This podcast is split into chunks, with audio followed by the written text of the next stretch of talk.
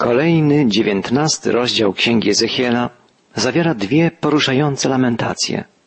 Lamentację nad władcami izraelskimi, nad przywódcami narodu oraz lamentację nad ziemią judzką, nad królestwem południowego Izraela.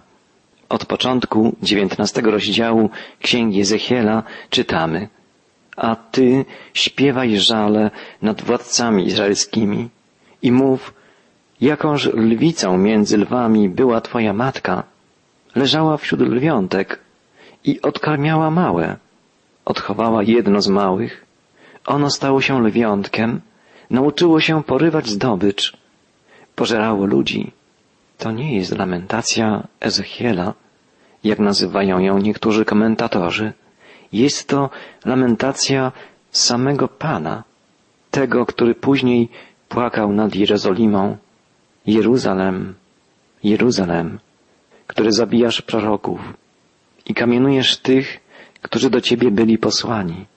Ileż to razy chciałem zgromadzić dzieci Twoje, jak kwoka zgromadza pisklęta swoje pod skrzydła, a nie chcieliście. Oto wam dom wasz pusty zostanie, bowiem powiadam wam, nie ujrzycie mnie dotąd, aż powiecie, błogosławiony, który przychodzi w imieniu Pańskim. Te słowa Jezusa zapisał jego uczeń, ewangelista Mateusz. Jezus płakał nad Jerozolimą. Ten sam Bóg, Pan i Zbawiciel, płakał nad przywódcami Królestwa Judzkiego, kiedy ono jeszcze istniało, jako wolne, niepodległe królestwo. Przywódcy Jerozolimy byli bezbożni, bezmyślni, Niewielu było wśród nich ludzi rozumiejących sytuację państwa, położenie ludu. Niewielu zdawało sobie sprawę z rzeczywistego zagrożenia ze strony potężnych wrogów. Niewielu przywódców troszczyło się tak naprawdę o przyszłe losy Judy. Tym, który troszczył się o Jerozolimę, o całą Judę, o lud izraelski, był Bóg, wierny, czuwający Pan i Zbawiciel. On troszczył się naprawdę o Jerozolimę, postawmy sobie pytanie, kto troszczy się dzisiaj o nas? Czy wielu jest wśród naszych przywódców ludzi, którzy naprawdę troszczą się o nasze dobro? Czy myślą o nas z troską nasi pracodawcy? Czy troszczą się o nas przełożeni naszego kościoła? Czy troszczą się o nas członkowie naszej rodziny? Pewien zamożny, odnoszący sukcesy zawodowe mężczyzna powiedział, Muszę szczerze wyznać, że pytanie, które sobie zadaję najczęściej brzmi, kogo ja naprawdę obchodzę? Czy jest ktokolwiek, kto szczerze się o mnie troszczy? Wszyscy, włącznie z moją rodziną, są zainteresowani tylko tym, ile mogą ode mnie dostać. To jest okropne. W naszym dzisiejszym, egoistycznym, pozbawionym wrażliwości, współczucia społeczeństwie człowiek może czuć się całkowicie osamotniony, mimo że otaczają go tłumy. Samotny w tłumie, na ulicy, w pracy, w domu, w rodzinie, w małżeństwie. Przyjacielu, nie tak jest do końca. Jest Bóg, który Cię stworzył i On troszczy się o Ciebie. Posłał swojego jedynego Syna, żeby stanąć u Twego boku, by pomóc Ci we wszelkich problemach. On, Zbawiciel, zmartwychwstały Pan, poprzez Ducha Świętego chce Cię wspierać, prowadzić, kształtować, uszczęśliwiać. Bóg, Stwórca, ten, który ukształtował cały ogromny wszechświat, który panuje nad niewyobrażalnie wielką przestrzenią i czasem, nie zapomina o Tobie. Jest Twoim Zbawicielem. Troszczy się o Ciebie pragnie, byś odczuł Jego miłość. Jeśli w Twoim sercu pojawiają się wątpliwości, obawy, spójrz na Jezusa, Bożego Syna. Bóg daje dowód swojej miłości ku nam przez to, że kiedy byliśmy jeszcze grzesznikami, Chrystus za nas umarł, pisze apostoł narodów. Nie ma większego dowodu miłości nad ten, gdy ktoś oddaje za kogoś swoje życie. Bóg kocha nas ponad życie i ponad śmierć, bo śmierć zwyciężył, jest Panem życia i śmierci, Panem wieczności. Bóg troszczy się o nas teraz, w doczesności i będzie się troszczył o nas zawsze, bo ukochał nas odwieczną miłością. Zwróćmy uwagę na słowa Ezechiela. Prorok, wołając w imieniu Pana, porównuje Judę do lwa. Pokolenie Judy od początku określano symbolicznie w ten sposób. Patriarcha Jakub, błogosławiąc przed śmiercią swych dwunastu synów, powiedział do Judy, Ciebie sławić będą bracia Twoi. Lwiątko me, Juda, synu mój, z łupu się podniosłeś. Czai się jak lew jak lwica. Któż go spłoszy? Te słowa znajdujemy w księdze Genezis, w pierwszej księdze Biblii. A w czwartej księdze Mojżeszowej czytamy o Judzie. Oto lud, jak lwica powstaje, jak lew się podnosi. Pan Jezus został nazwany lwem z pokolenia Judy. W księdze Apokalipsy czytamy, jeden ze starców rzekł do mnie, nie płacz, zwyciężył lew z pokolenia Judy, korzeń Dawidowy i może otworzyć księgę i zerwać siedem jej pieczęci. Prorok Ezechiel odwołuje się do symbolu lwa także po to, by wyrazić żal z powodu upadku tronu Dawida, z powodu klęski dynastii, z której ma przecież wyjść w przyszłości Mesjasz. Prorok opłakuje upadek kolejnych królów judzkich, królów zasiadających w Jerozolimie na tronie Dawida. Najpierw woła o lwicy matce, czyli o narodzie izraelskim, a potem mówi o pierwszym lwiątku. Odchowała jedno z małych. Ono stało się lwiątkiem. Nauczyło się porywać zdobycz. Pożerało ludzi. Narody dowiedziały się o nim i ono w pułapkę ich wpadło. Za kółko w nozdrzach zawiedli je do ziemi egipskiej. Chodzi tu o króla Joachaza, króla z linii Dawidowej, mesjańskiej, króla, który został zabrany do Egiptu. Dalej czytamy o drugim lwiątku. Za pomocą kółka w nozdrzach umieszczono je w klatce i zawiedziono do króla babilońskiego. Zamknięto je w ciężkim więzieniu, by głos jego nie był więcej słyszany na górach izraelskich. Drugie lwiątko to król Jehojakin, uprowadzony do Babilonii. Tak kolejni królowie z linii rodowej Dawida upadali, byli niewoleni, aż nastąpiła klęska Królestwa Judzkiego.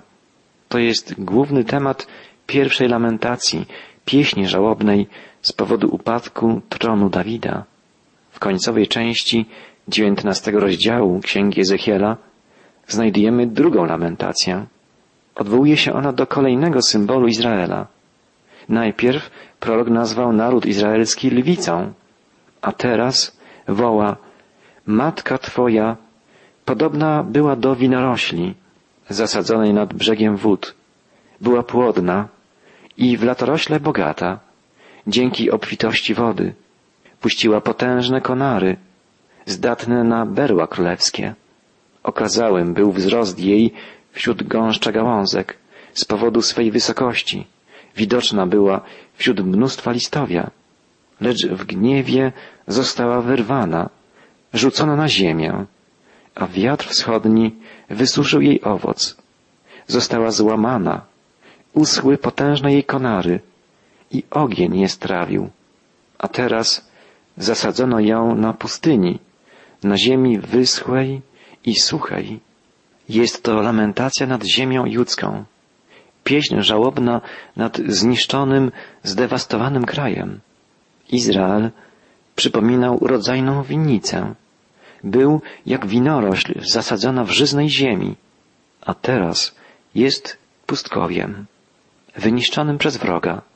Jest ta ziemia zrujnowana także przez samych Izraelitów, nieprzestrzegających Bożych poleceń, nie zachowujących lat szabatowych, z powodu nieposłuszeństwa, odstępstwa, bałochwalstwa i niemoralności Izraelici utracili Boże błogosławieństwo.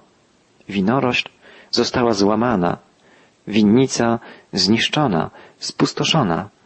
Stąd smutek i żal proroka. Kończy słowami Oto pieśń żałobna, służyć ma jako lamentacja. Następny, dwudziesty rozdział Księgi Ezechiela opisuje historię niewierności Izraela. Jedno pokolenie po drugim pogrążało się w odstępstwie, w bałwochwalstwie, w niemoralności. To prowadziło do nieuchronnej klęski. Prorok woła, roku siódmego, piątego miesiąca, a dnia dziesiątego tegoż miesiąca, przybyli niektórzy ze starszych izraelskich, aby się radzić Pana i usiedli przede mną. Pamiętamy podobne słowa z wcześniejszych wypowiedzi Ezechiela. Jego rodacy przychodzili do proroka wiele razy, aby się radzić Pana. Czy jednak rzeczywiście słuchali głosu Boga? Ezechiel podaje datę tej wizyty starszych Izraela. Stąd wiemy, że był to 590 rok przed naszą erą. Zniszczenie Jerozolimy nastąpiło około 587 roku przed Chrystusem, a więc zaledwie kilka lat później. Wówczas Pan skierował do mnie te słowa. Podkreślmy jeszcze raz. Prorok przekazuje nie własne słowa, nie własną mądrość, lecz słowa Boga. Ezechiel świadczy, wówczas Pan skierował do mnie te słowa. Synu człowieczy, przemów do starszych Izraela i powiedz im, tak mówi Pan, Bóg. Przyszliście po to, by szukać u mnie rady na moje życie. Nie pozwolę na to, byście się mnie radzili, wyrocznia Pana Boga. Jeżeli chcesz im ogłosić wyrok, synu człowieczy, jeżeli chcesz ogłosić wyrok, to daj im poznać obrzydliwości ich przodków. Starsi Izraela przyszli, by narzekać, by żalić się i krytykować Boga. Uważali, że Bóg ich zawodzi, podczas gdy to oni, pokolenie po pokoleniu, zawodzili Boga. Prorok wskazuje im ich winy, winy ich ojców i praojców. Czytamy dalej. Powiedz im, tak mówi Pan Bóg. Tego dnia, w którym wybrałem Izraela, kiedy podniosłem rękę, przysięgając potomkom szczepu Jakuba, objawiłem się w ziemi egipskiej i podniosłem rękę, przysięgając na ich korzyść w słowach Ja jestem Pan, Bóg wasz. Tego dnia podniosłem rękę ku nim, przysięgając, że ich wyprowadzę z ziemi egipskiej do ziemi, którą dla nich wybrałem, ziemi opływającej w mleko i miód, która jest klejnotem wśród wszystkich krajów. I powiedziałem im, niech każdy odrzuci bożki nęcące jego oczy. Nie kalajcie się bałwanami egipskimi. Ja jestem Pan, Bóg wasz. Bóg przypomina swemu ludowi cudowne wyprowadzenie z Egiptu. Izraelici odzyskali wolność, by mogli na nowo związać się ze swym Panem, by mogli czcić i rozgłaszać imię jedynego prawdziwego, żywego Boga. Lecz oni zbuntowali się przeciwko mnie i nie chcieli mnie słuchać. Nie odrzucili bożków nęcących ich oczy i nie wyzbyli się bałwanów egipskich. Postanowiłem więc, że zapalczywość moją wyleję na nich, że uśmierzę gniew mój na nich w ziemi egipskiej. Sprawiłem jednak, że imię moje nie doznało zniewagi na oczach narodów pogańskich, wśród których przebywali i na oczach których dałem im poznać, że ich wywiodę z ziemi egipskiej. I tak wywiodłem ich z Egiptu i zaprowadziłem na pustynię. Dałem im moje prawa i obwieściłem moje nakazy, które gdy człowiek zachowa, żyć będzie. Bóg dał Izraelowi życiodajne prawo. Pouczył ich, co służy dobru, co służy prawdzie, życiu. Ale dom Izraela zbuntował się przeciwko mnie na pustyni. Nie postępowali według moich praw. Moje nakazy odrzucili, które gdy człowiek zachowa, dzięki nim żyje. Również i szabaty moje bezcześcili. Przeto zapowiedziałem, że gniew mój wyleję na nich na pustyni, aby ich wyniszczyć. Pokolenie Izraelitów, które Bóg wyprowadził z niewoli egipskiej, zbuntowało się przeciwko Bogu. odmówili mu posłuszeństwa. Dlatego Bóg osądził ich, ukarał. Pokolenie to wyginęło na pustyni. Do ziemi obiecanej weszło nowe pokolenie, pokolenie ich synów. Ale i ci synowie zbuntowali się przeciwko mnie. Nie postępowali według praw moich. Nie czuwali, aby w czyn wprowadzać moje nakazy, które gdy człowiek zachowuje, dzięki nim żyje. Bezcześcili także moje szabaty. Miałem zamiar wylać na nich moją zapalczywość, aby do końca wywrzeć na nich mój gniew na pustyni. Alem znowu odwrócił rękę, mając na względzie moje imię, aby nie doznało zniewagi na oczach narodów, wobec których ich wyprowadziłem. Mimo, że młode pokolenie także okazało się nieposłuszne, Bóg zezwolił im wkroczyć do ziemi obiecanej. Mieli ogromną szansę, by żyć w tej żyznej ziemi szczęśliwie, w dostatku. Nie przestrzegali jednak Bożych przykazań. I dalej trwał proces ich duchowej degeneracji. Posłuchajmy uważnie dalszych słów proroka, wypowiedzianych w imieniu Pana. Dlatego dopuściłem u nich prawa, które nie były dobre i nakazy, według których nie mogli żyć. Pokalałem ich własnymi ich ofiarami, gdy dopuściłem, by przeprowadzali przez ogień wszystko, co pierworodne, aby obudzić w nich grozę i by tak poznali, że ja jestem Pan. To niezwykłe słowa i są bardzo różnie rozumiane. Być może prorok Ezechiel ma tu na myśli przykazanie o ofiarowaniu synów pierworodnych, wypaczenie tego przykazania, bo przecież chodziło o przeznaczenie pierworodnych do służby Bogu.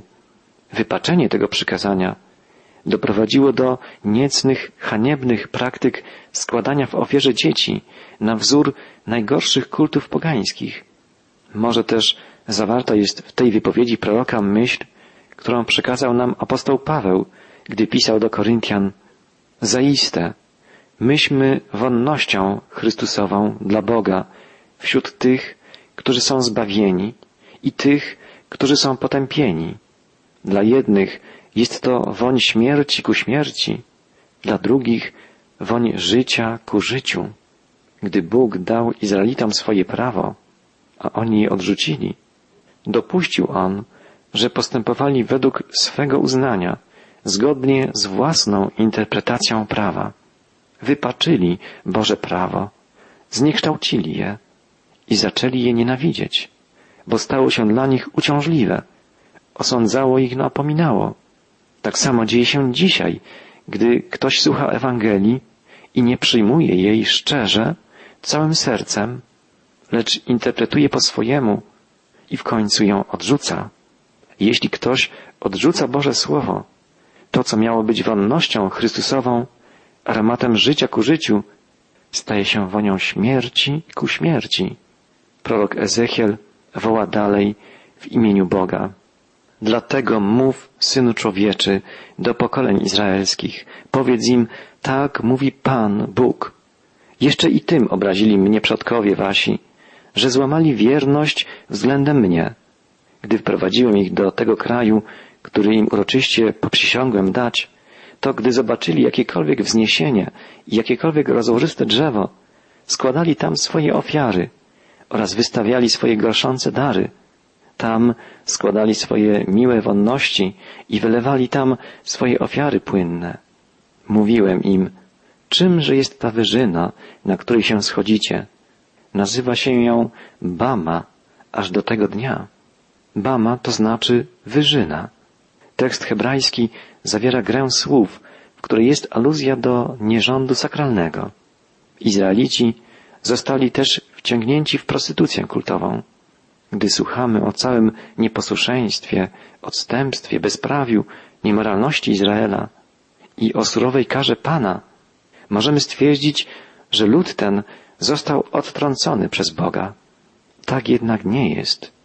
Bóg okaże ludowi pierwszego przymierza swoje miłosierdzie, tak jak rozpostarł swoją łaskę nad ludem nowego przymierza. Ezechiel woła na koniec w imieniu Pana Przyjmę was jako miłą woń, gdy was wyprowadzę spośród obcych narodów i wywiodę was z tych krajów, w których byliście rozproszeni. Wówczas okażę się w was świętym przed oczami tych narodów i poznacie, że ja jestem Pan, gdy was wprowadzę na ziemię izraelską, do tego kraju, który poprzysiągłem dać waszym przodkom. I tam wspomnicie o waszym postępowaniu i o wszystkich waszych czynach, którymiście się pokalali i sami poczujecie wstręt do siebie na myśl o wszystkich złych czynach, których się dopuściliście. Potem poznacie, że ja jestem Pan, gdy wam to uczynię przez wzgląd na imię moje, a nie na skutek waszego złego postępowania, ani waszych skażonych obyczajów domu Izraela. Wyrocznia Pana, Boga. Bóg sprowadzi na swój lud upamiętanie, przebudzenie. Będą żałować swoich grzechów i na nowo zapragną służyć swemu Panu. Wspaniałe są zbawcze plany naszego Stwórcy, Odnowiciela.